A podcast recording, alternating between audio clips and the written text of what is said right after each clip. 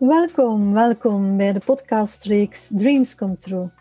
Mijn naam is Rebecca Schotten en ik coach krachtige multipotentials om hun eigen koers te herwinnen. In deze podcastreeks inspireer ik je rond de eindeloze mogelijkheden om vanuit verschillende vormen van creativiteit jouw droom te gaan leven. In mijn praktijk ontmoet ik dagelijks mensen die overlopen van ideeën en talenten, maar ze hebben geleerd dat je van dat soort talenten niet kan leven. Mijn gasten die bewijzen ons het tegendeel. Wanneer je vanuit goesting, plezier en inspiratie leeft en werkt, zijn de mogelijkheden onbeperkt. So, sit back, relax and enjoy. Ik ben blij dat we hier samen zitten. En ja, ik wil even uh, jou uitnodigen. Veerle, wie ben je en wat doe jij? Oh, mooi. Dat klinkt zoals een heel klein vraagje. Wie ik ben. Ehm, ik ga het gewoon spontaan laten komen zoals dat het uh, uh, nu bij mij uh, ja, eruit gaat komen. Maar in allereerste plaats ben ik iemand die heel veel wil groeien en ontdekken. En we hadden het er net ook in kort in ons voorgesprekje over, van dat we heel veel nog niet weten. Um, in de tweede plaats ben ik een mama.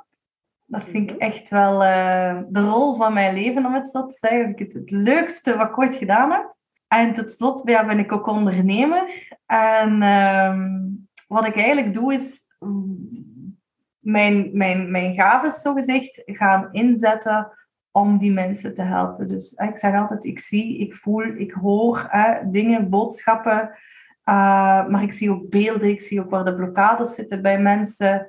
Um, ik, ik, ik, krijg, ik, krijg, ik ontvang eigenlijk uh, de energie, de boodschappen.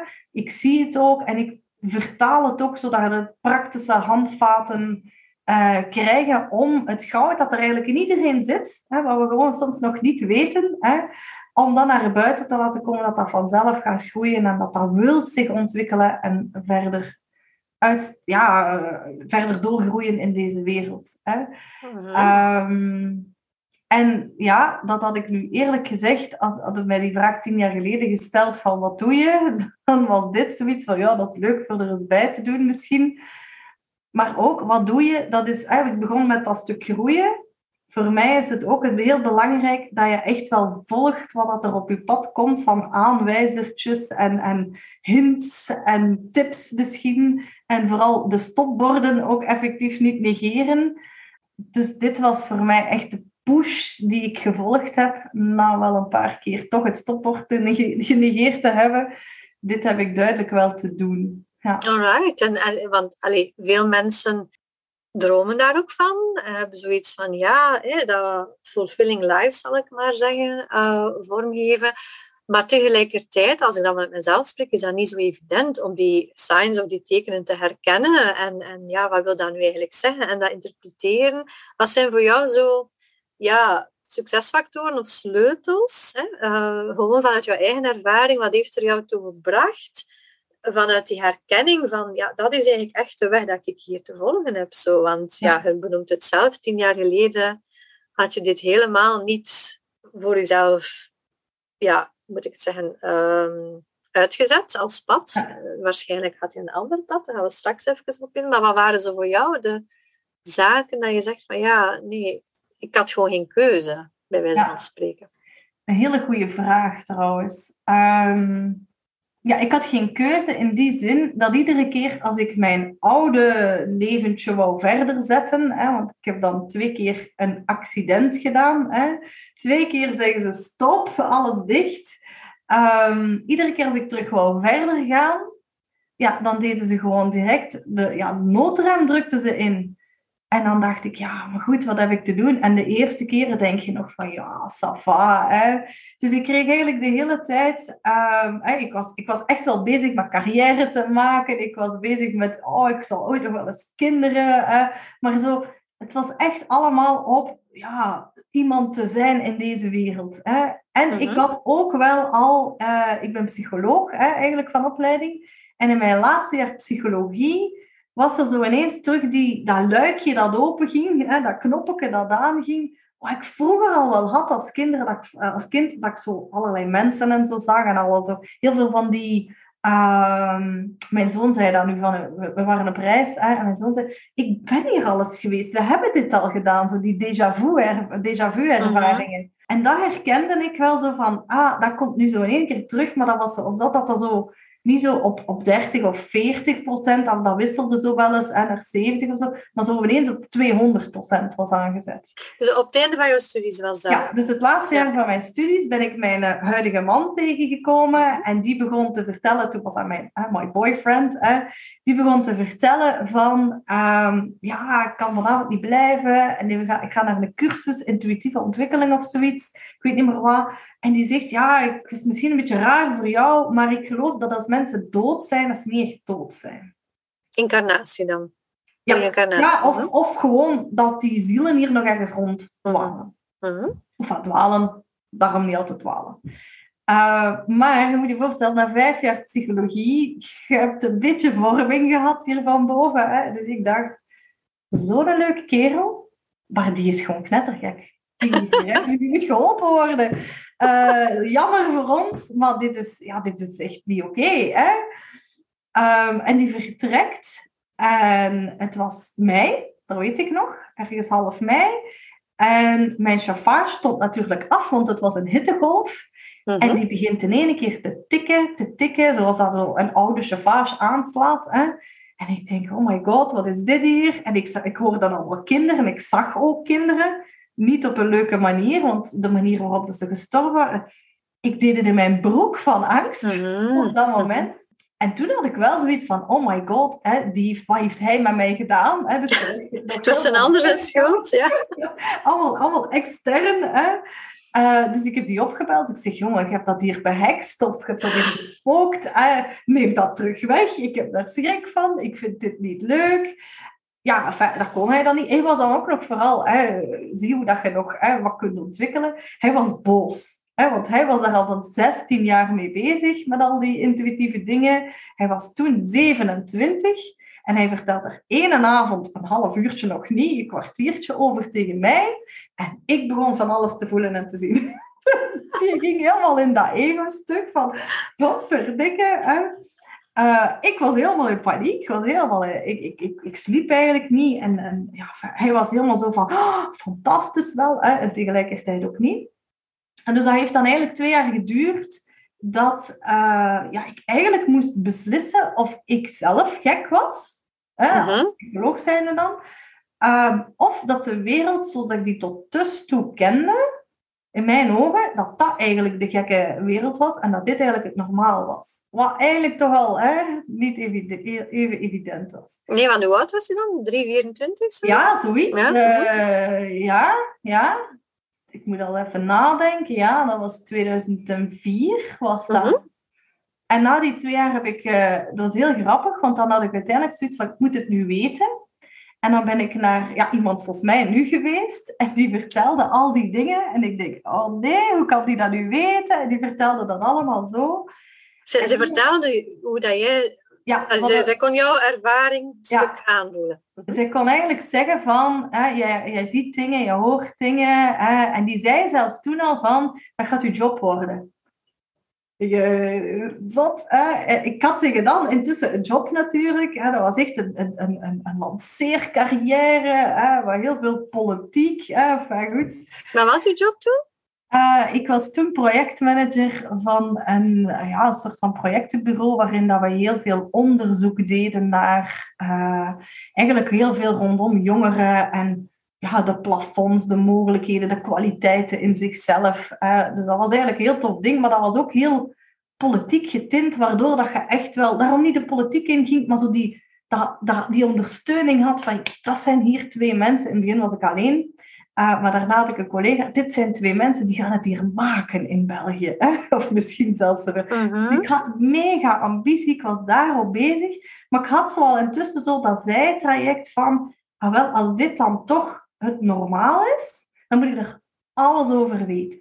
Dus dat had ik wel. Wacht, dus uh, aan de ene kant hadden de, de, ik had het even vertellen, dat bij mijn winkel, de ratio van die carrière, ja. heel, heel, heel, dat stuk eigenlijk, en, en hey, dat onderzoeksmatige, zo, ja. we gaan evidentie opbouwen rond een aantal zaken. En dan daarnaast had je... Uh... Daarnaast volgde ik elke cursus, van één, één iets wat aan de aanraking kwam met ja, wat ik nu noem eigenlijk spiritualiteit. Mm -hmm. In de ruime zin. Dat moet je echt voorstellen, vier avonden in de week en meestal ook nog een zaterdag overdag. Dus dat was echt, ik was een spons om zo. Maar jij noemt dit ratio, maar dit zat ook nog in de ratio. Want ik wou alles weten. En ik was heel curieus, uh, maar ik was ook heel kritisch. Ja, uh, dus je wou ook dat begrijpen eigenlijk. Ik wou ook dat begrijpen en ik wou ook vooral zo dit ergens wat kunnen verklaren van waarom word ik s'nachts ineens aan mijn voet getrokken en staat daar iemand aan mijn bed. Hè? Mm -hmm. Dus ik, ik kon niet verder zonder dat ik dat ook een stukje uh, ja, linker hersenhelft hè, kon begrijpen. Um, en intussen, je leert al wel wat dingetjes en, en je komt wel wat mensen tegen en kunt je mij niet helpen met dit. En intussen gingen we al met het reiki-tafeltje, zo kent je dat, hè, tot bij de mensen. Dus dat is eigenlijk zo de eerste dingetjes geweest. En dan, um, ja, dat, dat, bouwt zich zo wel wat op. En dan heb ik dat wel eens wat stopgezet, want dan gebeuren er dingen in je privé. Uh, en dan begint zich dat toch weer vanzelf op te bouwen door de mensen die je tegenkomt en dergelijke meer. En toen voelde ik op een gegeven moment van, ja, dat is heel erg leuk. Ik kan hier precies veel meer mijn eigen kwijt. Uh, ik vind het ook gewoon leuk. Ik merkte zo, uh, in mijn job was ik aan het werken, dat ging over mensen. Uh-huh. En in die ja, die vrije tijd was ik bezig met mensen. Dus ik ontvang, ontving intussen ook al klanten bij mij thuis voor van alles en nog wat. Officieel was dat meestal voor Reiki, maar officieus ging dat dan naar, ja, ik heb dat en dat en dat gezien, dus dat werd naar dat. Ik ging op een duur cursussen geven, hè, want dat was de cursussen die ik gevolgd had. Uh -huh. Dan was het van, wil jij dat niet beginnen geven? Ik zei, ja, gevraagd, ik zit daar ook helemaal niet op te wachten. Jawel, ik heb dat gezien. Ja, dat kunt al niet meer anders. En ik merkte dat ik dat heel erg leuk vond. Uh Maar heel erg leuk. Ik was piepjong. Ik was ergens achteraan in de twintig. En ik zat daar allerlei cursussen over God weet wat allemaal, dat weet ik al niet meer. Hè. Maar heel breed. Uh-huh. Eindejaarscursussen, maar ook bijvoorbeeld, ik weet nog een cursus, dat was een leuke, iets van uh, wat, je, wat dat je wel en niet kunt eten, wat goed was voor jou en hoe dat je zo bijvoorbeeld, ja, dan niet naar het afvallen, hè, want dat is dan een, een ja, minder positieve energie om maar te zeggen, maar naar uw, perfect, uh, uw, uw ja, meest perfecte het gaat niet over je lichaam, hè, maar je, je lichamelijke energie kunt gaan. Uh -huh. Dus zo was dat allemaal hè, van die dingen. Dus dat was heel plezant. Maar je merkte wel dat je zo twee, um, ja, twee, twee rollen speelde in je leven. Zo, hè. Je deed je jobje. En daar had ik vroeger, had ik, in het begin had ik daar echt zo van, wow, hè, dit is wie ik ben. En zie, hè, ja, je zit echt de, de carrière madame aan het uithangen. En ik begon daar... Ja, mooi dat je dat zegt eigenlijk. Zo. ik, ik wil dat denk ik aan het proberen, achteraf gezien. Hè? Maar ik merkte steeds meer, mijn collega die ging daar steeds harder in op. En hoe harder hij erin op ging, hoe meer dat ik zoiets had van... Hè? Ja. En dan was er dat moment dat is eigenlijk de omslag geweest. Dan ben ik zwanger geworden van mijn eerste kind. Mijn zoontje. En uh, dat was geen evidente zwangerschap. Of uh, dat was, ik had bekkeninstabiliteit en dergelijke. Ja, amai, dat herken ik. Ja, ja vanaf 15 weken weeën, uh, afzien, die kunnen zitten, die kunnen staan. Dus dat was echt zo niet evident om te werken. En eigenlijk, mijn hoofd stond totaal niet meer naar werken. Alleen alles, wat moet er voor dat kindje hier gebeuren? En dat manneke wordt geboren, een maand te vroeg. En dat was precies, ik denk dat heel veel mama's dat ervaren hebben, als ik dat ook hoor, precies omdat er zo'n shift gebeurde nog eens zo. dat was ineens een andere wereld ook geboren. En uh, ik weet, ik had dan ook de chance, want eigenlijk moest hij na vier maanden naar de crash, maar omdat hij een maand te vroeg had, was geboren, had ik hem lekker vijf maanden bij mij. En toen dropte ik elke ochtend mijn kind om een job te gaan doen die mij eigenlijk niet meer boeide eigenlijk kon ik echt, ik dacht, maar wat, wat ben ik allemaal mee bezig? je zit dan ook nog daarmee dat ik dat zei, in dat politieke milieu. Het was een verkiezingsjaar toen ook mhm. nog. Ja, dus je kent dat, subsidiedossiers schrijven. Ik weet nog dat ik ergens een jaar, dat was al wel twee jaar later, 17 dossiers heb geschreven en ze veranderden iedere keer. Ja, Van gedacht. moet, ik, oh, dat is echt... ik kotste daar bijna van op dat moment. Ik had echt zoiets van, ik kan het niet meer opbrengen. En ze zagen dat ook aan mij. Mijn prioriteiten lagen... Ik, ik dropte mijn kind. Dat is ook een oefening in bewustzijn. Zo van, we maken een, een job erbij, zodat jij een job kunt gaan doen. Ja, dus die kinderopvang, en er uh-huh. wordt een job gecreëerd zodat jij kunt gaan werken. Het is allemaal mooie jobcreatie, maar in mijn hoofd was dat totale error. Want ik had echt zoiets van, ik moet thuis zijn bij mijn kind. Ik, ik, ik moet Die moederrol eigenlijk. Ja, dat was ja. echt, dat was zo. Ik, mhm. ik was echt 180 graden gedraaid. Daarvoor had ik zo van, ik zet die van 7 tot 7 op de crash. Uh, en dan had ik ja? iets langer. En dan was het zo in één keer. Enfin, het was al iets daarvoor hoor. Um, en nu had ik echt zoiets, ik wil die zo liefst nul minuten op die crash hebben. Zo, dat, dat. En niet dat die daarom een slechte job deden, maar ja, weet je, je voelt je kind gewoon zo goed aan. Je zit op je job en je hebt zoiets, ja, heeft een nieuwe pamper nodig. Ja, mhm. en, en, ja, je weet dat gewoon. Ah, nu heeft hem honger. Ja. Oei, hij is een beetje overprikkeld. Ja, dan denk ik, hoe ben ik hier mijn job aan het doen? Ik, ik ben daar helemaal niet mee bezig. Intussen was ik op die job ook helemaal zo van, ja, ik was daar, ik was daar aan, kaarten leggen voor mijn collega. Ik kwam mensen tegen buiten. Ik zeg, oei, oei, het is niet goed met uw voet. Dus ik was eigenlijk gewoon wat ik te doen had, ja. aan doen in die job. En toen hebben ze mij platgelegd, de eerste keer. Wat is er gebeurd? Toen heb ik, we hadden een event met het werk. Mhm. En uh, heel, heel, ja, die dingen gebeuren zullig we, we parkeerden en ik had me geparkeerd ergens zo op parking van het ziekenhuis. En ik stap met de stagiair en ik laat de stagiair zo rondom de bareel, hè, de slagboom. Mhm. En ik had mijn laptop vast. En die heeft gereageerd op die laptop. Dus zo kapoen, out. Licht uit. Dus ik had die op mijn hoofd gekregen. Oh my. Ja. Ik lag gewoon gevloerd. Nu dan, hè, op dat moment zo, schaamte, mensen kijken, je krabbelt recht. Maar ik, ik, ik, ik weet zelfs niet hoe dat ik nog thuis ben geraakt. En dan um, vind ik ook zo'n leuke. Dus je hebt dan een, ja, je hebt een hersenschudding natuurlijk. Hè? Uh, letterlijk. Hè? Letterlijk. ja. ze waren plat. Uh, en nu, je wordt ook een keer goed met je gezicht op de, muur, op de vloer gegooid. Dus je hebt ook zoiets aardingveren. Aarding, kijk eens, wat zijn er weer overal aan het... Hè? Maar die hersenschudding ging niet door. Dat was iets heel vreemds. Ja. Dat was plots weg of zo? Nee, die, die, dus ik, hè, normaal gezien heb je een hersenschudding. Ja, het duurt een week, twee weken, wat dan ook. Bij mij heeft die drie maanden geduurd.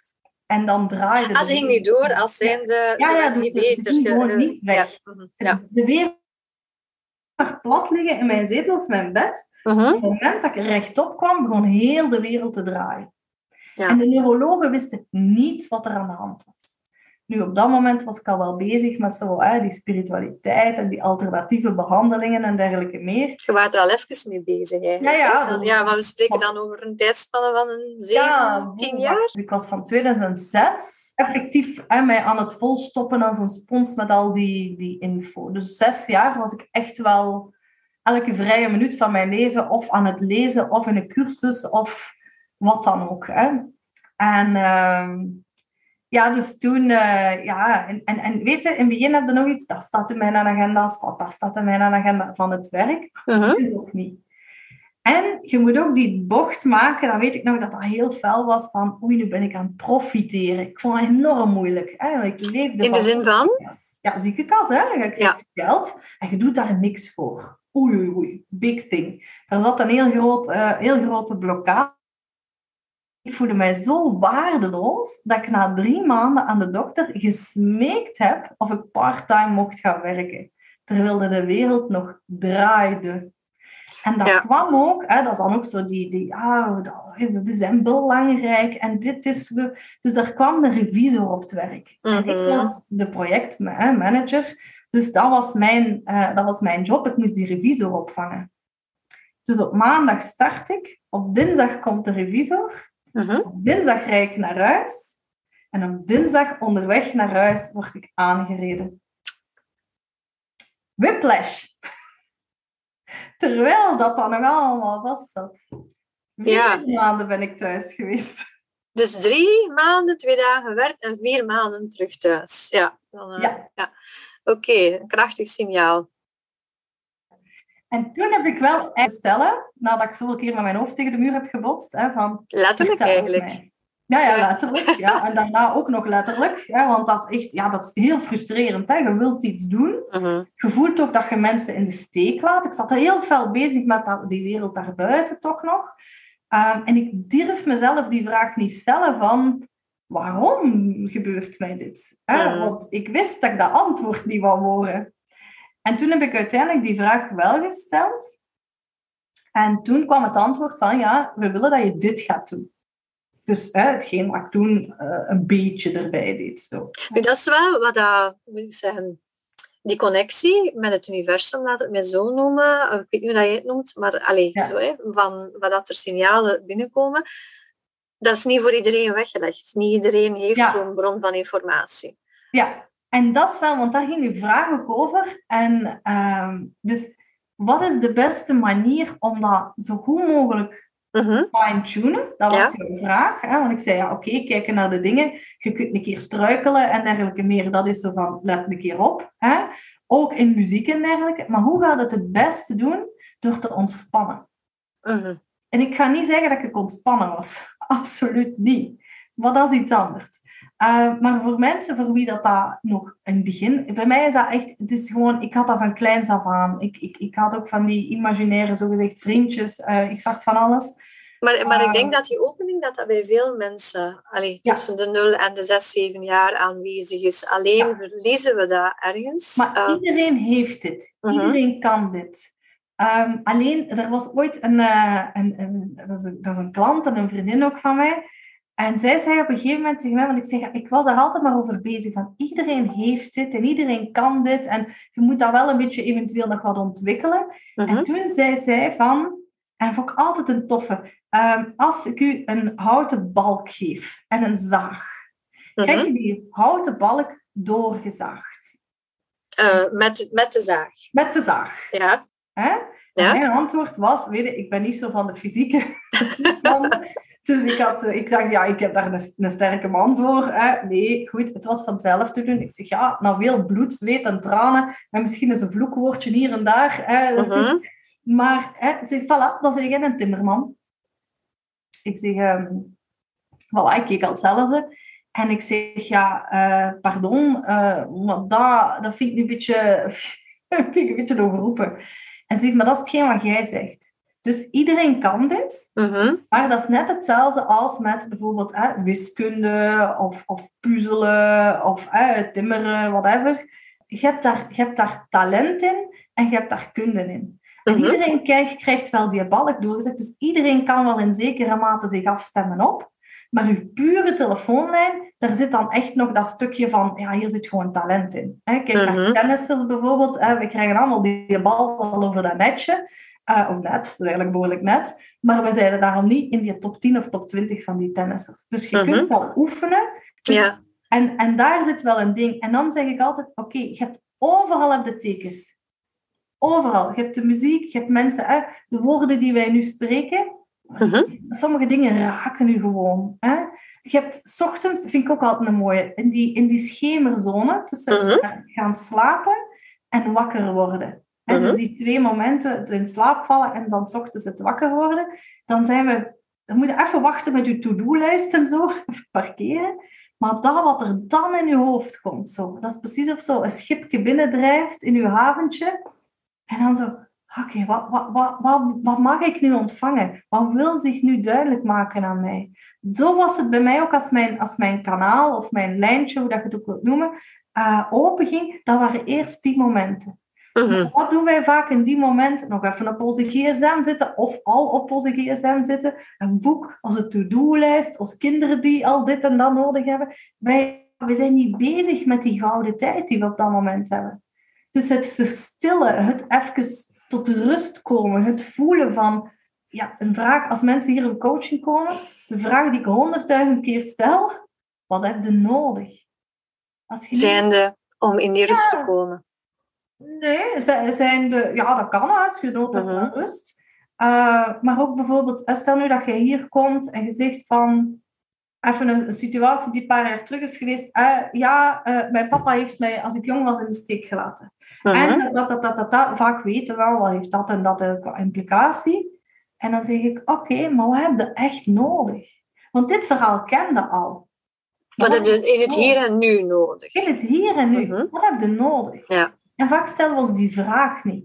We zeggen mhm. wel, waarom is dat? Ja, oké. Dus dat, die waarom-vraag, en dat is zo, waarom heb ik altijd ongeluk? Voelde al wat dat, dat doet met u? Waarom heb ik altijd ongeluk?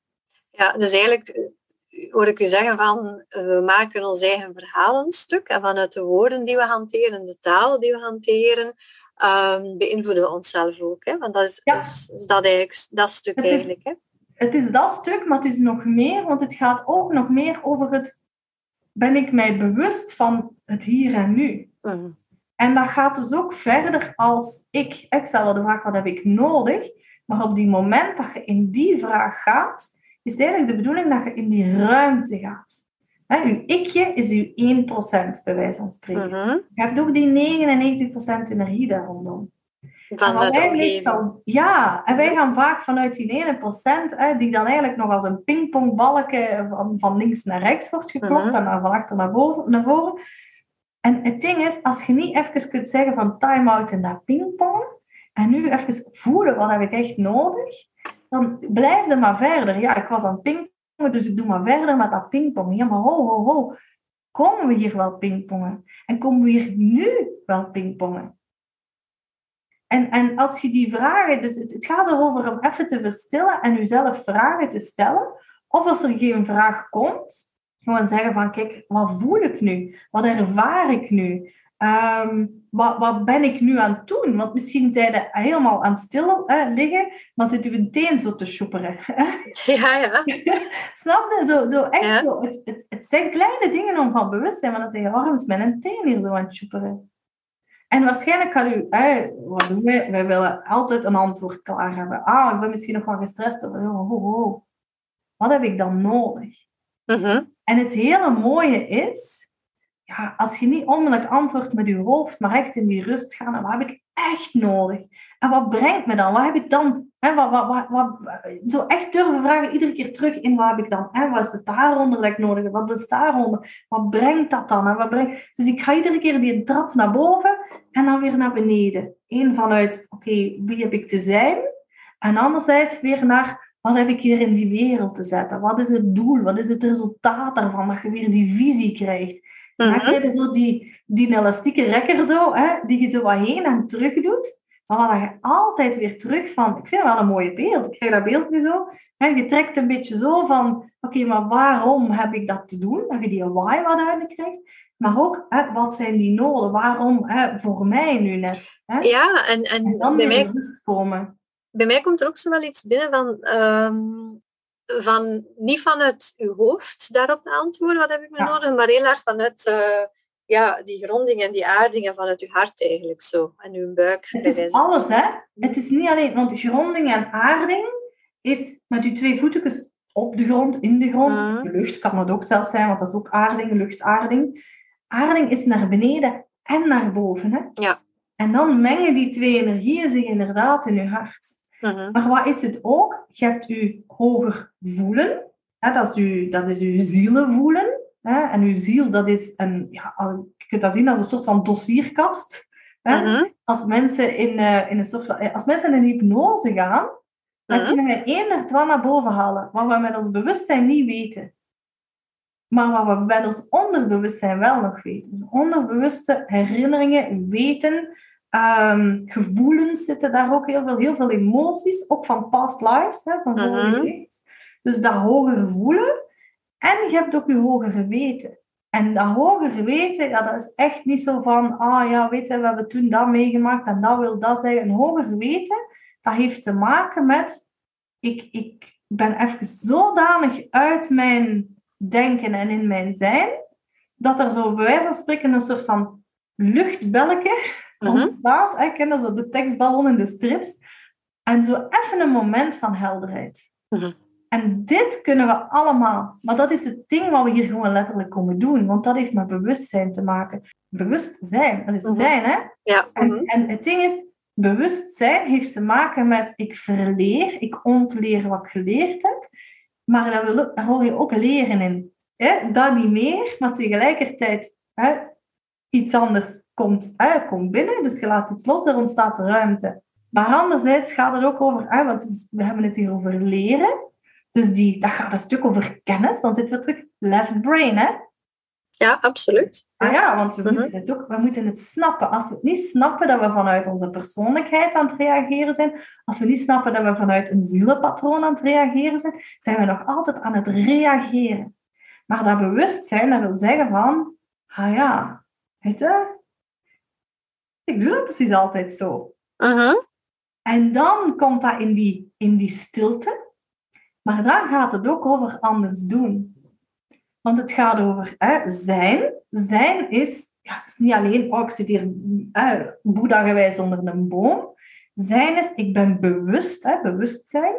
Ik ben bewust van wie ik ben, Mhm. van wat dat er allemaal rondom mij gebeurt, van hoe ik handel, wat ik doe. Hè, dus dat, dat weten. Maar dan ook iedere keer dat weten weer in interactie brengen. Ik zie mij zo hier de, hè, de infinity doen. Hè. Mhm. Ja, het cyclische. in die actie komen. Maar die actie is dan, heb je het gehoord, het verschil is actie en is niet reactie. Ja, ik hoor het. En bij mij komt direct zo de vraag naar boven van... ehm, je hebt dan op een bepaald moment die switch gemaakt. Je hebt die een call ook gekregen van oké, ik moet dat anders gaan doen. Ik kan mij... Ik denk, uw partner was misschien ook wel een hulpbron, maar ik kan me ook wel voorstellen dat daar in de omgeving, nadat jij zelf je weerstand hebt laten varen, dat daar wel wat weerstand was. Zo, Ah, ja, ja. Hoeveel wat ga jij nu doen? Zo, hè? Dat Ja. is, eh, Ik, en dan kom ik op de vraag zo van, wat, wat zijn voor u krachtbronnen of inspiratiebronnen die u helpen eh, naast uw, uw spirituele connectie? Zijn er ook nog andere eh, bronnen dat je zegt van ja, dat zijn eigenlijk elementen die ervoor zorgen dat ik wel heel hard in dat zijn, in dat Ja. bewustzijn kan blijven? Ah wel, en daardoor heb ik eigenlijk mijn why ontdekt. En dat is Mhm. wat mijn krachtbron is. Als je een why hebt, Mhm. dan heb je alles. Want inderdaad, op het moment dat ze zeggen van, ga dat maar doen, dan denk je van, ja, hè, één, komt er dan vanuit die spiriwereld, van it's a gift, daar mag je geen geld voor vragen. En Ja, mhm. help, help. Hè. En, en mijn ouders en mijn familie zo, "Oh, ondernemen. We zijn Limburgers. Hè. Dus, oh my god, dat moet je niet doen. En dat is keihard werken en afzien en dergelijke meer. Dus ik, ik, ik was daarin mijn eigen, eigen ergste vijand ook. Hè. ja. Te raden bij de verkeerde. Maar op een gegeven moment was er zo'n klik. En eh, dat was, toen was mijn tweede zoontje intussen al geboren, dus ik was al wel part-time bezig. Mijn tweede zoontje was geboren en die had, ik weet niet wat allemaal. Dat was echt een zorgenkindje. Mhm. Uh, maar eigenlijk wat hij mij wou zeggen was... Mama, je zit nu aan het wachten tot het met mij beter gaat en ik zit aan het wachten totdat jij je ding gaat doen. Dat was een switch. Uh, intussen moet, ik zeggen, dus ik was echt aan het trinselen. Hè? Dus ik deed, ik deed ze alle twee. Part-time mijn oude job, part-time dit. En uh, dus dat zoontje dat komt, mijn tweede zoontje, was ook een alleen geboren tweeling. Dus dat was nog eens. Hè? Ik zeg het, het was echt een, een multi-ding. Ik wil vooral geen problem situatie, maar goed. Hè? Um, intussen had ik ook een, uh, een mommy burn-out en ik had een, uh, een hele, na zoveel jaar bekkeninstabiliteit, had ik een reuma. Dus ik was echt, ik was niks. Ik, Wat is een mommy burn-out? Een mommy burn-out is, uh, in, in mijn geval was, en mijn kindje kwam maar heel veel gedoe. Uh, dus zowel fysieke zorgen als emotionele zorgen. Mhm. Die pakte naar mij, die sliep op mij, die, die at alleen maar bij mij. Ik, ik nam die allemaal mee ja. naartoe. Veel ben appel op jou. Ja, voilà, dus die Ja. leefde gewoon 23 Ja. uur, allee, 24 of 24 op mij. En ik was gewoon aan het crashen. Achteraf wist ik dat maar. Op dat moment doe je alles, je zit aan het overleven, je zoontje heeft het moeilijk. enfin, goed. En op dat moment vatte ik van... Ik, ik gaf die elke avond, dat, hè? je doet die kindjes in bed, onder de dekentjes, knuffeltje erbij, kusje erbij. En ik, ik, ik fluisterde die altijd zo woordjes toe. En een van die dingen was, lieve schatten, onthoud alsjeblieft, je kan alles doen wat je maar wil. En dan ging ik naar beneden in de zetel, met heel veel pijn, vermoeid, kapot. Hè? En ik dacht, die geloven mij niet. Tuurlijk niet, want ik doe het zelf niet. Ja. En dat was de switch. Dus op dat moment had ik zoiets, ik wil een voorbeeld zijn voor mijn kinderen. Dat zij dat kunnen zien. En ik heb van de ene moment op de andere moment gezegd, voilà, ik stop met alles. Ik, uh, ik ga gewoon puur dit doen. Hè. Dus ik heb, uh, ik, heb, ik heb gezegd, ik ga een hoofdberoep. Van de ene moment op de andere. Ik ga een hoofdberoep. Ik heb dit te doen. Ik merkte dan ook dat ik dat voorbeeld, hè, dat ik dat ook precies wou zijn voor mijn klanten. Dat mijn klanten dat ook aangaven. Uh, ik wou dat eigenlijk zijn voor de kinderen van mijn klanten. Want ik had zoiets wat voor mijn kinderen kan doen, kan ik ook voor andere kinderen doen. En dan heeft dat weer impact op die ouders. En dan heeft dat weer impact op de wereld. En, en ik voelde zo echt van, oh, ochtends ik werd wakker, maar echt vroeg tegen dan, hè, terwijl daarvoor al sleep je uit bed. En dan zo, oh, ik heb iets te doen in deze wereld. Zo. Ik heb die, die ouders en tantes en, en, en onkels, ook van mijn paar papa's, opa's, uh, whatever. Hele systemen. Ik heb die gewoon iets te tonen. Ik heb die gewoon te tonen van het kan gewoon anders. En je voelt dat in elke vezel van je lichaam. Hè? Mhm. En dat was hetgeen wat je zegt van ja, weet je, het was doodeng, maar ik had gewoon geen keuze meer. Ik moest dat doen voor mijn kinderen. En dat voel ik nu nog elke dag en dat zie ik ook aan hun.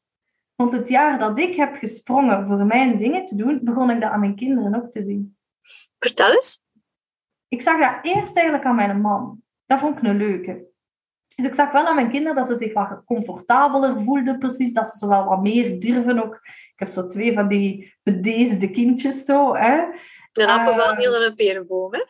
Ja, nee, voilà, het is daar. Voilà. En mijn man heeft dat ook heel erg. Mm. Hè? Dus uh, in ieder geval, dus wat, wat deed mijn man een tijdje later? Dus het begon bij mij ook echt, de moment dat ik dat besliste, hè, mijn bedrijf en zo, alles ging maar zoveel. Ik wist niet wat er gebeurde. Puur energie. Wauw. Uh, en mijn man die zegt op een gegeven moment van, ik wil andere kleren gaan shoppen. Dat uh -huh. klinkt nu zoiets heel idioot, hè? Maar dat was echt van, ik voel mij anders. Dus die begon ineens in kostuum naar zijn werk te gaan.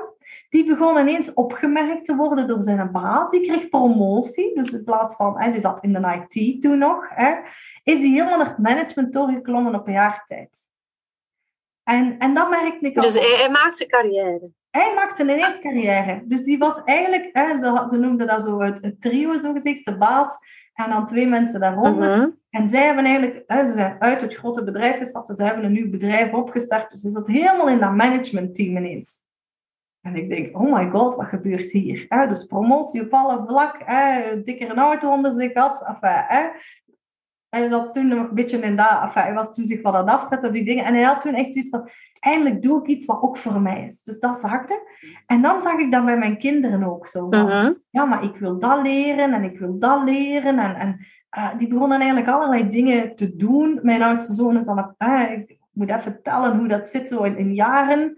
Uh, maar is dan even later ook een jaar, het schooljaar overgeslagen de eerste keer. Hè. Dat is zat van, mama, ik leer hier niks. En, en hè, ik ben toch op school Mhm. uh -huh. om te leren. Dus je zag echt zo van dat die nieuwe hobby's gingen doen, dat die zich gingen uitdagen. Ze wilden Engels leren en Duits leren en Chinees Wauw. op een gegeven moment. Maar goed, dat hebben we niet gevonden. Ehm, maar ze Kon je dat niet zelf leren? Hoe zeg je? Kon je dat niet zelf? Nog niet. Nog niet. En, en dat, je ziet gewoon van dat die, dat die mondiger werden, dat die durven opkomen voor, ja, daarom niet voor hun mening, maar voor hun noden. En, en dat ze ook kunnen aangeven van, ja, in hun woorden is dat dan, dit is stom en dat wil ik meer. Maar dan denk je van, je ziet een, een kleutertje ineens zeggen van, zeg, de juffrouw die heeft dat gezegd, en ik wil dan straks eventjes met jou naar de juf gaan babbelen, want volgens mij moeten we daar dat en dat. En dan denk ik, dat dus. Ja. Terwijl hij daarvoor naar mij kwam en zei, oh, mijn vriendinneke heeft, eh, beste vriendinneke heeft dat of dat gezegd. En ik voel me daar verschrikkelijk bij. En dat was dan al drie, later, dagen later. Zo, dus dat, dat, die shift in je kinderen zien. En ze beginnen zo rechtop en, en, en meevolgen en vragen stellen. En, en wat ze daarvoor ook wel deden, maar anders. Ah ja, oké. Ook, ook Mhm. in de buitenwereld. Hè, van, Mhm. Ik ga zelf wel voor mijn drankje gaan in de binnenspeeltuin of wat dan. Terwijl ze altijd zo, weten niet, aan mijn rokken hadden geplakt. En, en ja, dus je zag echt van, ja, hoe dat ik naar buiten kom nu, dat begint mijn, mijn omgeving ook te doen. En Ja. dat zie je dan ook, je ziet dat ook terug terugkomen naar u. Hè? Bijvoorbeeld de coachings die ik deed tot dan, die waren goed. Hè? Mensen waren er heel tevreden van. Maar ineens gingen die een niveau omhoog. Mhm. En dan gaat uw omgeving weer een niveau omhoog. En dan komt dat weer zo. En dan gaat het weer. En, en dat is zo ontzettend leuk. Dat je ook ziet van... Ja, ook, je groeit zelf ook, hè?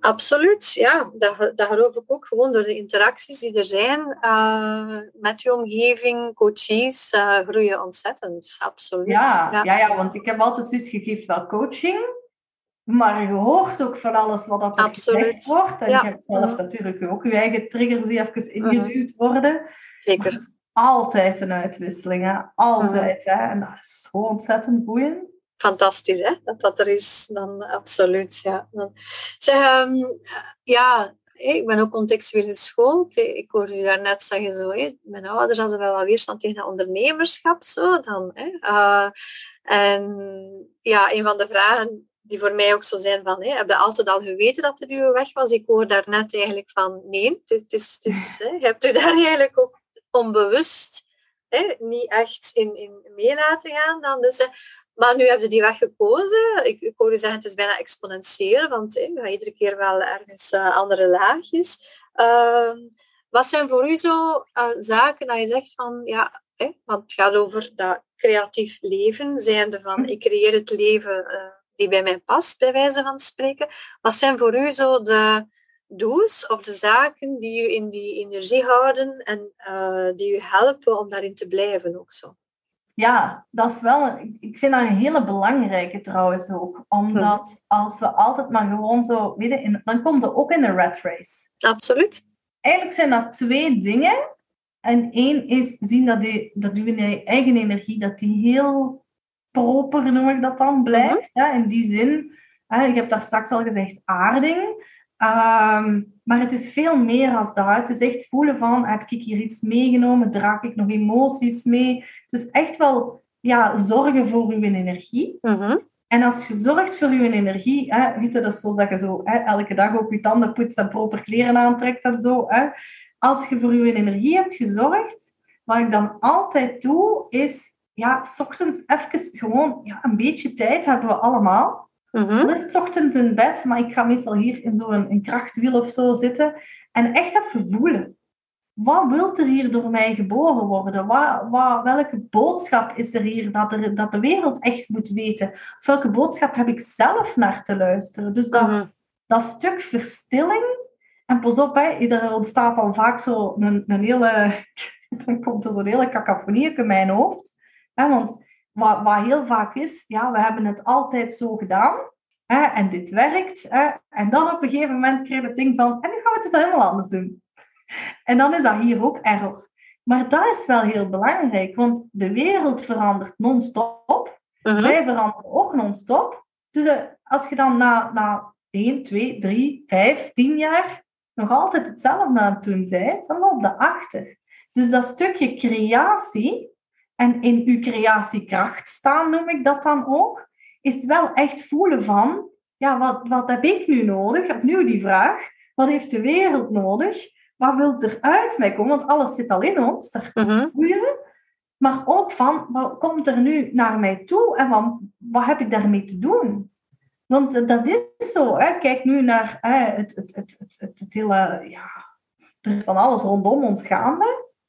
Als wij gewoon zeggen van, oké, hap, slik of laat maar passeren. Nee, wat doet het nu met mij? En wat, Ja. wat, wat wil ik? Zodat je weer opnieuw eigenlijk komt er dan niet in die reactie komt, maar in welke actie heb ik dan vanuit wat ik voel, vanuit mijn connectie, wat heb ik te doen? En dan is creatiekracht opnieuw dat stukje hè, natuurlijke wat uit jou wil komen. En als het echt wil, dan heb ik nog een hele toffe, want soms is dat, hè, we hebben eens een, een, een, ja, een shit situatie, noem ik dat dan gewoon letterlijk. Het is, ik heb dat ruzie gehad met uw mama, uw man, wat dan ook. We hebben allemaal wel eens, niet, ook mijn leven is niet altijd roze, geur- roze geur en maneschijn. Dan pak ik letterlijk, ik ben geen creatief, creatief mens, maar goed, dan pak ik letterlijk een grote blok Mhm. papier Ja? En de kleurkrijtjes en kras het er maar uit. Hè. Er komt wel iets op mijn blad en het gaat er niet om dat dat mooi is. Ik vind dat zelfs meestal echt niet mooi, maar goed, hè, dat is... Ik vind, van, ik vind van mezelf dat ik niet creatief ben op dat vlak. Oei, oei, oei, maar de, de, de podcast gaat wel over creativiteit. I know, dus, I ja, know. dan- ja. Maar het ding is, Ja? het gaat niet om het resultaat. Nee, proces. En dat is het ding. Pas op, dat is mijn proces nog. Hè, dat weet ik. En daarmee dat ik dat ook zeg. Dat is mijn proces nog om daar iets mee te doen. Ik ga daar ook binnenkort iets mee doen, trouwens. Hè. Mm, Maar datgene wat er door je heen stroomt, wat er op dat blad wil verschijnen, heeft zoveel boodschap weer in. u. En creativiteit, oké, je kunt wel zeggen, ik zet iets op een blad. Trouwens, de cursus waar we het er straks over hadden, over ja, wat dat je eet en dergelijke meer, Mhm. was een cursus waar de mensen moesten tekenen. Ah, Ja. dat hadden ze waarschijnlijk ook niet verwacht. Ja, ja, dat weet ik. Ik denk wel dat dat erin stond. Mhm. Eh, maar zelfs staat er een punt op een blad, dat zegt ontzettend veel. En het ding is, waar ik nog last van heb, is zo, als je zo- zo'n soort van cursus zelf zit, dan zie je zo rondom je zo van die pareltjes ontstaan. En dan kom ik daar met zo'n kleutertekening af in mijn hoofd. Zegt ontzettend veel over jezelf. Hè? Absoluut, ja. En de moment dat je dat kunt loslaten, ik heb hier een paar van die pareltjes in mijn kast liggen, het maakt niet uit wat erop staat. Als staat er een stip op, al heb je erop geblazen op je blad, gaat erom van, ja, maar wat, wat, wat, wat, wat wil dit nu weer zeggen? En creativiteit, ik zeg bijvoorbeeld vaak, ik ben heel creatief in het zoeken naar oplossingen. Naar, Ja. Dat is ook creativiteit De- absoluut, zeker. Maar- ja. bij mij is het, ik, ik moet even kunnen bewegen, daarmee dat ik soms echt gewoon de waskrijtjes neem. Maar dat kan even goed zijn, ik ben enorm, met een enorme groene vingers, hè, madame, eh, dat ik in mijn tuin eh, van alles even ga doen. Het, het gaat erom dat proces van, of dat je nu een schilderij maakt, of je bent wat onkruid aan het uitdoen, of aan plantjes verplanten, dat het bezig zijn, dat is het leven bewandelen en het handelen als je het in de vingers hebt, als je dan bewegen bent, als je aan- al is dansen, is ook creatie. Absoluut. Ah, ik zag een andere podcast van een dame van jou, die, eh, die zo kleren aan het maken was en dergelijke meer. Dan denk ik, ja, dat dus. Mhm. Als ik nog tien dagen extra had in een week, dan deed ik dat ook. Maar dat kan, dat kan nog komen, hè, dat je daar Ja. de tijd en ruimte Ja. voor hebt. Ja. teksten maken. Zo Mhm. die teksten die zo, ah, ik kan ervan genieten, hè? zo'n postje schrijven. En dat je echt voelt van die woorden, dat klopt gewoon. En, en je voelt dat gewoon. En dat doet iets en er beweegt iets in je. Dat is heerlijk. Absoluut, ja. En, en door de beweging in jouzelf beweegt het ook in de omgeving. Voilà. Ja, dan- En dat is wat ik bedoel, van, je moet daar even dat moment van verstillen. Hè? Als, we, als we iets gaan creëren, of het nu een stukje tekst is, of gewoon van, wat heb ik vandaag überhaupt nog maar te doen? Heb je dat even in jezelf te gaan voelen eerst. Mhm. En dan kan er daar buiten, dan kan er daar weer uitkomen. En. Ja, zeg dat- maar. Ja, dat is denk ik, hè, ik let wel op de tijd, zo samengevat, Ja. zo wat ik hoor in uw verhaal is zo van, hè, ehm, de sleutel is zo die ontspanning, inzakken in uzelf, die connectie maken tussen hoofd eh, en, en het lichaam, zo heel dat stuk eigenlijk. En dat telkens opnieuw ook wel weer voeden en, en daar aandacht aan geven. En dat kan Ja. inderdaad in allerlei vormen en Ah het ene moment zal dat tuinwerken zijn, op het andere moment zal dat met de krijtjes werken zijn. Bij sommige mensen is dat heel veel gaan wandelen. Dat is nu bij mij zo heel hard zo van, hè, Ja. dat is ook een vorm van bewegen. Zo. Maar ik hoor u wel zeggen van, ja, dat dat wel de sleutel is. Hè. Eén, om het te zien en te ervaren en dat bewustzijn te kunnen komen, om te durven die keuzes te maken, die helemaal bij jou passen, enerzijds, maar ook om op die weg te kunnen blijven. Zo, hè. En, en, en daar Ja. die, die Ik inzakking. denk zelfs dat je geen durf nodig hebt. Mhm. Omdat als je het echt laat binnenkomen, dan is dat zo, eh, you feel the fear, you do it anyway, omdat je het Mhm. gewoon niet anders kunt niet meer. Ja. Als ik begon om echt te zeggen van, voilà, nu ga ik echt voluit voor wat ik hier te doen heb. Mhm. Echt waar, I shit at my pants, hè. Maar ik, ik voelde ook gewoon van, dit, dit is het gewoon. Het, het, het- ik- ja, ik, ik bedoel, je kunt wel naar links en je kunt wel naar rechts, maar je wordt echt wel naar daar geduwd. Ja. En dan komt ook wel dat stukje overgave en Mhm. vertrouwen. Ja. En dat vertrouwen voelde ik eerst niet in mij. Dat vertrouwen voelde ik wel vanuit, ja, weet je, ja, oké. Er waren zo echt van die gekke dingen die dan gebeuren. Hè? Van, je, je, eh, je moet dan een, een, hoop administratieve romslomp en dergelijke meer doen. En ik heb het gepresteerd om die administratieve romslomp achterstevoor te doen. Dat niemand dat begreep, dat kon ook helemaal niet, want eerst moest je dat dossier hebben, dan kreeg je dat dossier, weet je niet, zo dat. Dat is mijn manier. Hè? Zo ja. een beetje bokkenpot achterstevoor uh, met een hoek af. Mhm. Ehm, maar dan voelde wel van, oh weet je, die stress is er weer vanaf. Ik heb het weer, ik heb het weer gepresteerd om het zo weer hè, op een beetje ja, die hoek af manier te doen. Ja, maar uw weg was uw weg en, en Ja. je zit er ook geraakt. Hè? Dan dus, eh, Ja, maar het geeft ook de bevestiging van do it your way. En Mhm. ik ben zo de madame met de hoek af. mhm. Dus het was my way. Zit je de madame met de noek af? Ik ben Heb ik u nooit bekeken eigenlijk. Ik heb wel een hoekje af. Ja, ik, eh, ja, ik heb zoiets van... Weet je, ik ben de jongste. Ik hoorde u net zeggen de oudste van Mhm. het systeem is. De jongste, die mag een beetje hè, playful blijven. Hè? Die ook zo, ja, weet je...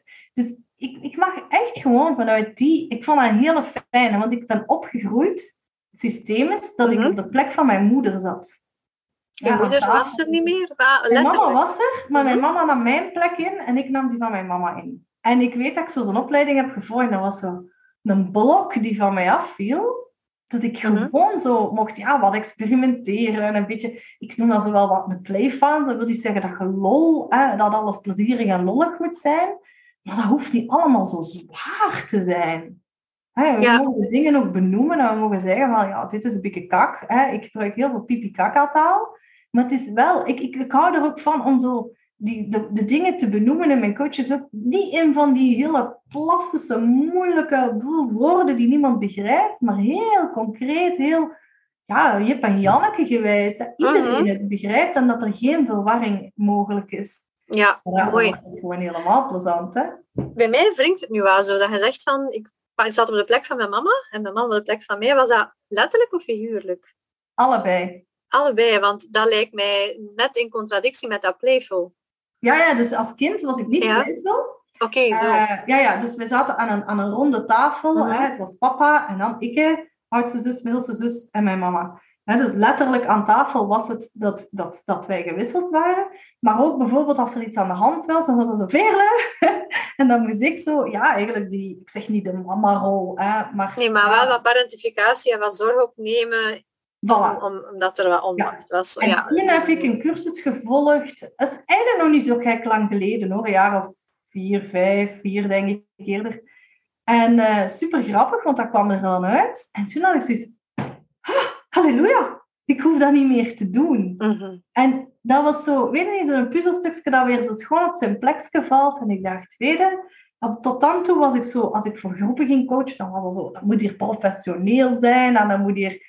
En je verliest een stuk je eigen ja, identiteit. Mhm, Hè? mhm, mhm. En, en dan zei mijn mama altijd, "Oh, weet dat, zo zag jij zitten babbelen en, en allee, nemen de mensen nu wel serieus? En dan denk ik, oh my god. Hè? Dus ik kreeg daar ook nog die feedback natuurlijk van hoe dat je denkt dat je moet zijn. Ook komende van hoe dat ik vroeger in mijn raad van bestuur en ah, met een heel zo'n onnozel kostuumje aan. Hè? Ja, dat is bijna allee, de vermannelijking, hè, wat dat we Ja. zien als vrouw. Hè. Zo, die mantelpakjes Voilà. vind ik zo wel bijna een symbool van eh, we nemen onze vrouwelijkheid weg. Ja. Dan, zelfs al is dat met een rok. Allee, eh, die kleuren zijn ook meestal niet zo echt kleurrijk van, van dat soort eh, outfits, bij wijze van spreken. Ja, wat ik me afvraag, is dat dan voor ons als vrouw in de samenleving een poging om in die mannenwereld ons te handhaven? Allee, voor mij voelt dat soms zo. Hè? Van, we gaan Mm. ons kleden, ja, conformeren. ik denk ook, ehm, het is gewoon de maatschappij waarin dat we leven. Hè? Dus wij zijn als vrouwen zijn wij gevoelsmatiger. En zeker de hooggevoelige vrouwen, die zitten daar al eerder aan. Die, hè, we zitten eigenlijk in een soort van 70-30. hè, Dus Mhm. gevoel 30 ratio. In een maatschappij waar dat wij eerder 90-10 zitten. Hè? Dus 90 ratio, 10. Dus dat wil zeggen dat we allemaal niet functioneren. Ook de mannen niet. Hè? Want die Mhm. zitten ook eerder daar. Maar de hooggevoelige vrouw, die zit helemaal hè, ernaast, om het zo maar te zeggen. Dus dat, dat, je voelt dat je ergens iets probeert... Je probeert aansluiting te vinden in een maatschappij die totaal geen aansluiting vindt bij jou. Terwijl we wel, allee, dat is dan misschien een stuk mijn opinie, de samenleving, die hebben we samen vorm te geven. Ja, maar dat is een samenleving. Ja, wonen, werken, leven in een maatschappij vaak. Ja. Ik spreek ook heel graag over een samenleving, Mhm. want effectief, we gaan terug samen leven. Mhm. Maar ik zie dat nog niet veel. Ik zie dat nu de laatste twee jaar, dat we terug gaan samenleven. Heel veel mensen zijn ook niet gaan samenleven.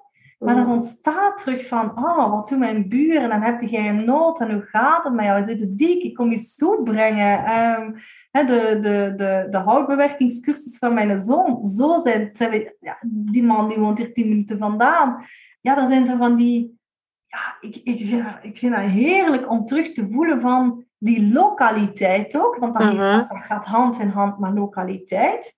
Maar dat is ook van... Ik weet dat ik vroeger ooit, als ik op mijn, op mijn vorige werk, hè, mijn vorige leven in dit leven, dan was ik in gesprek met eh, de baas van Na- Nascom, denk ik dat het bedrijf, een groot IT-bedrijf, en die was erachter gekomen dat een van zijn medewerkers in zijn vrije tijd, ik weet niet meer wat bezig was. En die had "Ah, wat een talent, daar kunnen we iets mee. Maar dat, Wauw. Ja, de- ik vond dat toen al wauw. Ja. hè, dat, zo, Mhm. dat, dat iemand zegt van je doet nu gewoon je job zouden verwachten. Nee, die zei van ah, die zit in zijn vrije tijd. Ik weet niet aan wat te sleutelen. Hè, of dat dan nu auto's, computers, ik weet niet meer wat. En die had zoiets van dat is keigoed, want dat past in dit project. En we kunnen die man dan daar zetten. En dan doet hij eigenlijk zijn passie tijdens zijn... Hè, die- En toen had ik zoiets van, dit dus. Maar we zitten allemaal collectief maar iets te doen wat we denken dat de maatschappij van ons verwacht. Samenleving is echt zo zijn van, ah, hetgeen wat ik nu het laatste, vooral het laatste jaar heb gezien, is zo, weet je, ik maak kombucha, ik hermaak graag kleren, ik ben ook bezig met moestuinieren, oh, ik hou van houtbewerking, Eh, oh, ik maak super graag soep, eigenlijk woon ik maar alleen en ik, heb, ik vind dat niet tof om voor mij alleen soep te maken, kan ik niet voor jullie allemaal soep maken? Ja, en Ja. dan kom je terug bij, ja, we komen op straat en we kennen Jefke en Mieke en, en ons Sophie. En waar zijn ze allemaal mee bezig? En oh, je hebt, dan, je hebt een auto nodig. Ja, van mij staat gewoon voor de deur, pak een auto mee. En ik denk, daar zijn we zo kwijtgeraakt. Maar Absoluut. daar hebben we terug naartoe te gaan. Want Mhm. doordat we juist weten, we zitten nu, oké, we zitten 100 jaar verder bij wijze van spreken van dat dat zo was.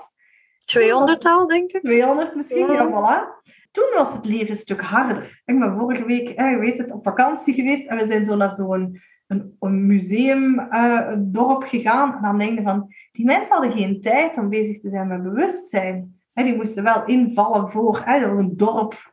Eh, eh, hoe zeg je het, het spreekwoord zo van, je hebt een dorp nodig om een kind op te voeden. It takes a village to raise a child. Voilà. Mhm. En nu heb ik zoiets van, kijk, we hebben terug dat dorp nodig om die samenleving Mhm. om dat te hebben. Maar we hebben intussen tijd ook ruimte om bezig te zijn met dat bewustzijn en, en wie ben ik en wat hebben we hier in de wereld te zetten, waardoor dat alles zo schoon in elkaar past. We hebben nooit zoveel ruimte gehad voor, voor te ontwikkelen als nu. Mhm. De afgelopen tijd, ik noem dat zo wat de New Age tijd, hebben we dat allemaal op ons eigen eilandje gedaan. Oké, we zaten wel ooit bij elkaar in de cursus, maar we waren bezig met ons ikje, hè, met ons, hè, wat heb ik hier los te laten, wat heb ik hier te leren. En nu voel ik, is het tijd om dat terug in elkaar te laten klikken en te zeggen van, kijk, hè, ik kom nu de laatste tijd er bijvoorbeeld achter dat ik heel gemakkelijk kan healen.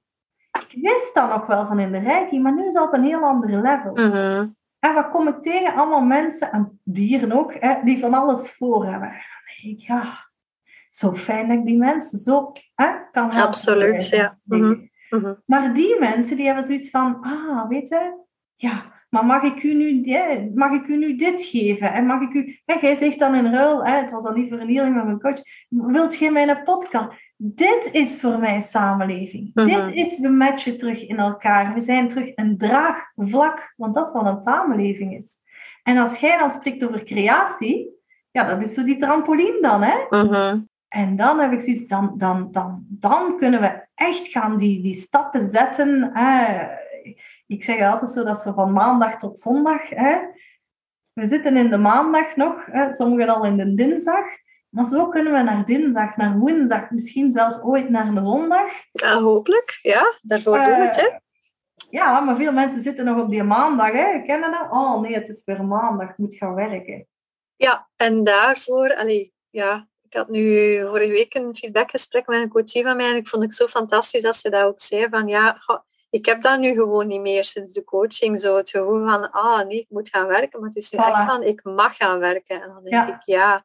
En als, je kunt, als we dat kunnen creëren, dat mensen in die energie zitten door de dingen dat ze doen en dat ze in de wereld brengen, ja, dan denk ik, goed. Allee, ja. dat, is eigenlijk wat we te doen hebben in deze samenleving, denk ik. Ik denk echt dat we te doen hebben dat we niet meer moeten gaan werken. In mijn ideale mhm. wereld ben ik werkloos.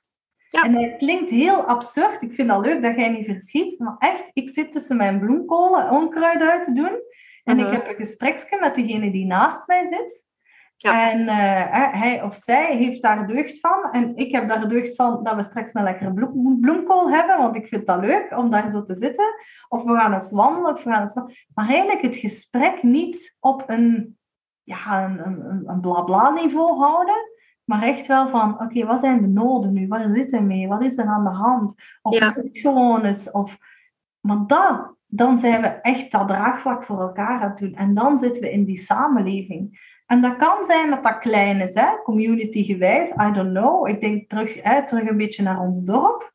Maar ons dorp is tegelijk de wereld. Heb je ooit in een boek gelezen? Um, dat is een fantastisch boekje. Um, Blue Highways heet dat. En dat is eigenlijk iemand die in Amerika op zoek gaat. Um, het is jaren 80, 90 dat dit schrijft naar de uh, calendar restaurants. En dus uh, omdat alles in de Verenigde Staten wordt zo franchise, en of dat je nu in het oosten, de westen of het zuiden zit, alles lijkt op elkaar. Hetzelfde. Je hebt overal dezelfde ja, uh, wat is het, um, McDonald's, over heel de wereld komt dat tegen. Hè. Het is bijna een landmark overal.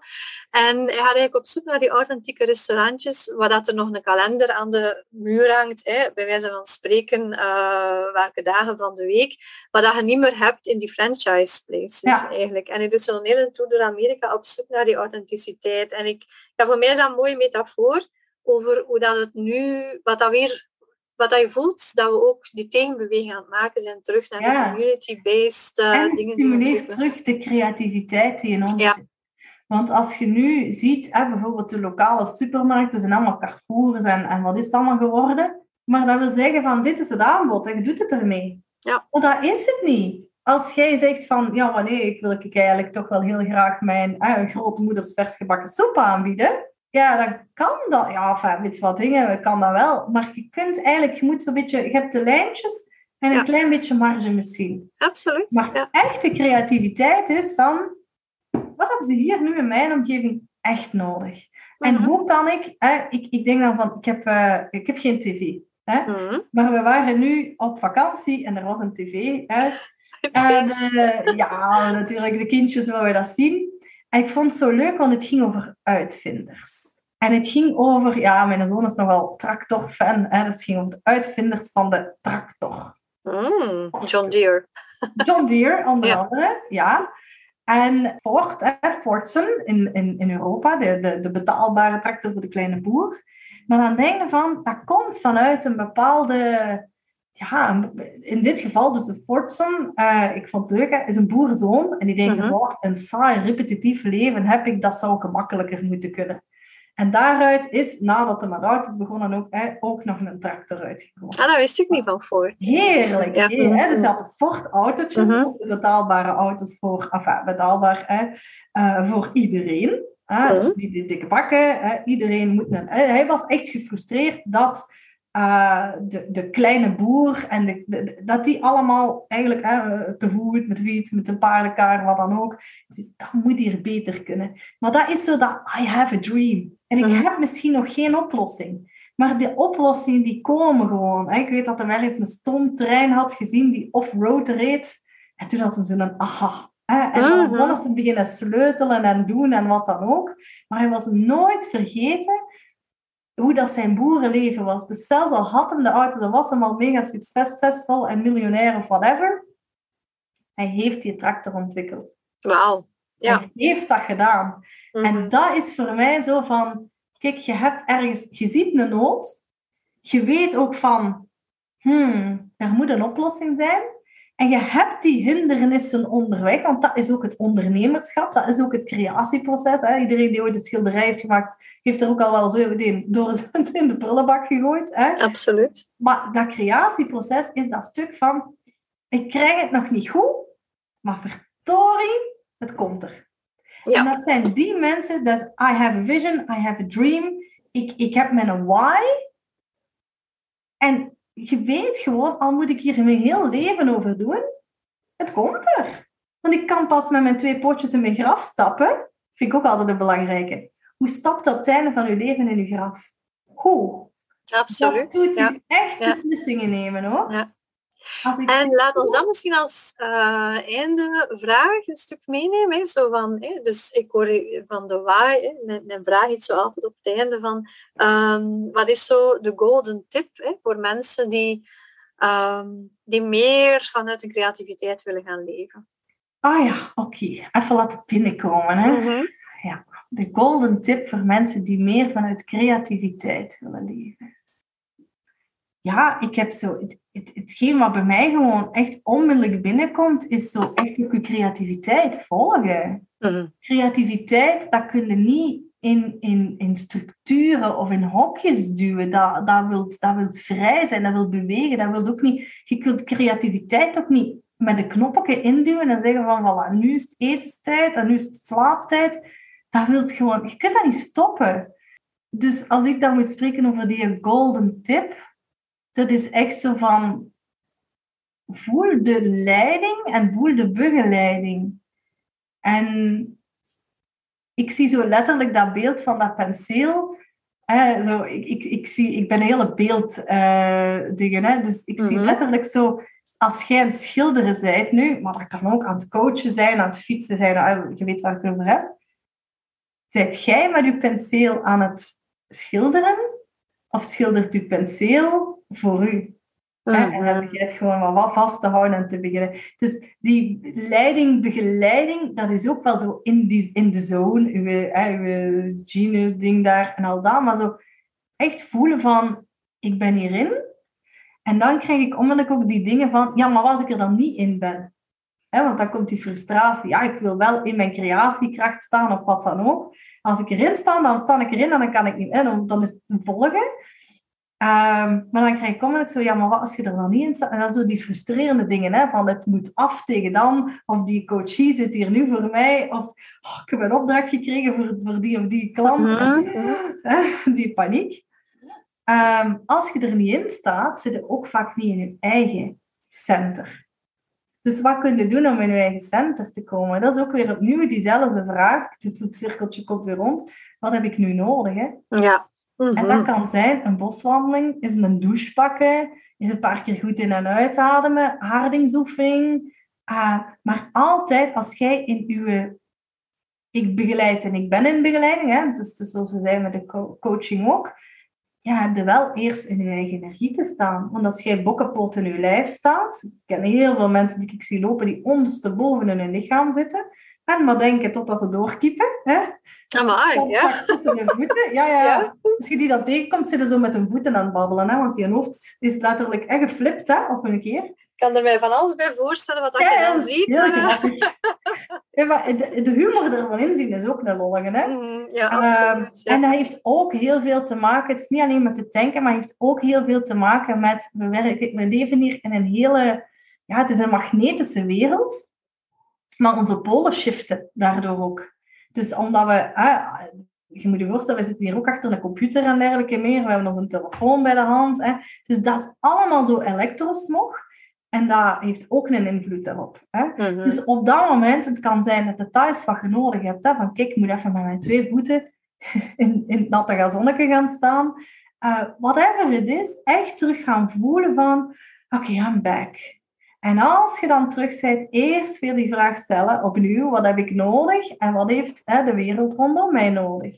En dan dus komt er eigenlijk zo, binnen, aha. Ja, van het jobcoaching stuk dan eigenlijk ook wel tijd en ruimte voorzien, hè? niet ingevulde tijd zo. Hè? zo ja? ja, waar dat je gewoon... Hè? Maar dat merk ik nu zelf ook, um, in deze fase van mijn leven, dat dat zo heerlijk is om soms aan een dag te beginnen dat, je, dat er niks in je agenda staat. Ja. Zo gewoon. en dat je begin met je agenda, zelfs als er wel iets in staat. Zorg dat je... En, en micromomentjes, hè. we hebben mhm. daar niet ik, ik hoor dan vaak mensen, ja, maar dan, ik, ik, ik mediteer elke ochtend 20 minuten, een half uur. Ik, dat is zelfs niet nodig. Mm. Je gaat ook naar het wc elke ochtend. That's enough. Ja. Ja. Het, waarom, waarom krijgen mensen heel veel aha's als ze onder de douche staan of op de wc zitten? Ze moeten ontspannen, hè? ja, het is waar, anders kun je het niet loslaten. Hè? Dat kunnen het niet loslaten. Dus je laat dat wat ballast is los via de Mhm. douche of in het toilet. En je komt vanzelf bij die in een, ah, weet je, daar heb ik nu goesting in, hè? Of Alright. dat is hetgeen dat ik te doen heb. En Mhm. daarmee zeg ik dat, dat we kunnen wel hè, heel die, die, die creatiekracht en die spiritualiteit en al die door ons wilt stromen, ja, we kunnen daar wel zo van die momenten van maken van voor en na het werk. Maar dat is het leven zelf. Mhm. Maar als jij het leven niet beleeft, hè, bewust, ja, dan heb je die micromomentjes niet van, oh, wat was er nu net gebeurd? Die, die kleine momenten van error, of die kleine momenten van aha. Als we daarvan bewust kunnen worden, dan zit je in die flow. En dan is creatiekracht is dat die, die uitwisseling. En wat dat er uitgewisseld zal worden, de ene ontdekt een tractor, een andere schildert de schilderij, en nog iemand anders eh, bedenkt een geweldig idee voor een geweldig bedrijf. Eigenlijk is alles mogelijk dan. Hè? Denk, laat ons dat als boodschap uh, om te eindigen, zei, een stuk meenemen. Voilà. Ik tegen Ja. mijn kindjes zei elke avond, alles is mogelijk. Ja, Je kunt alles. Alright. Veerle, heel hartelijk dank.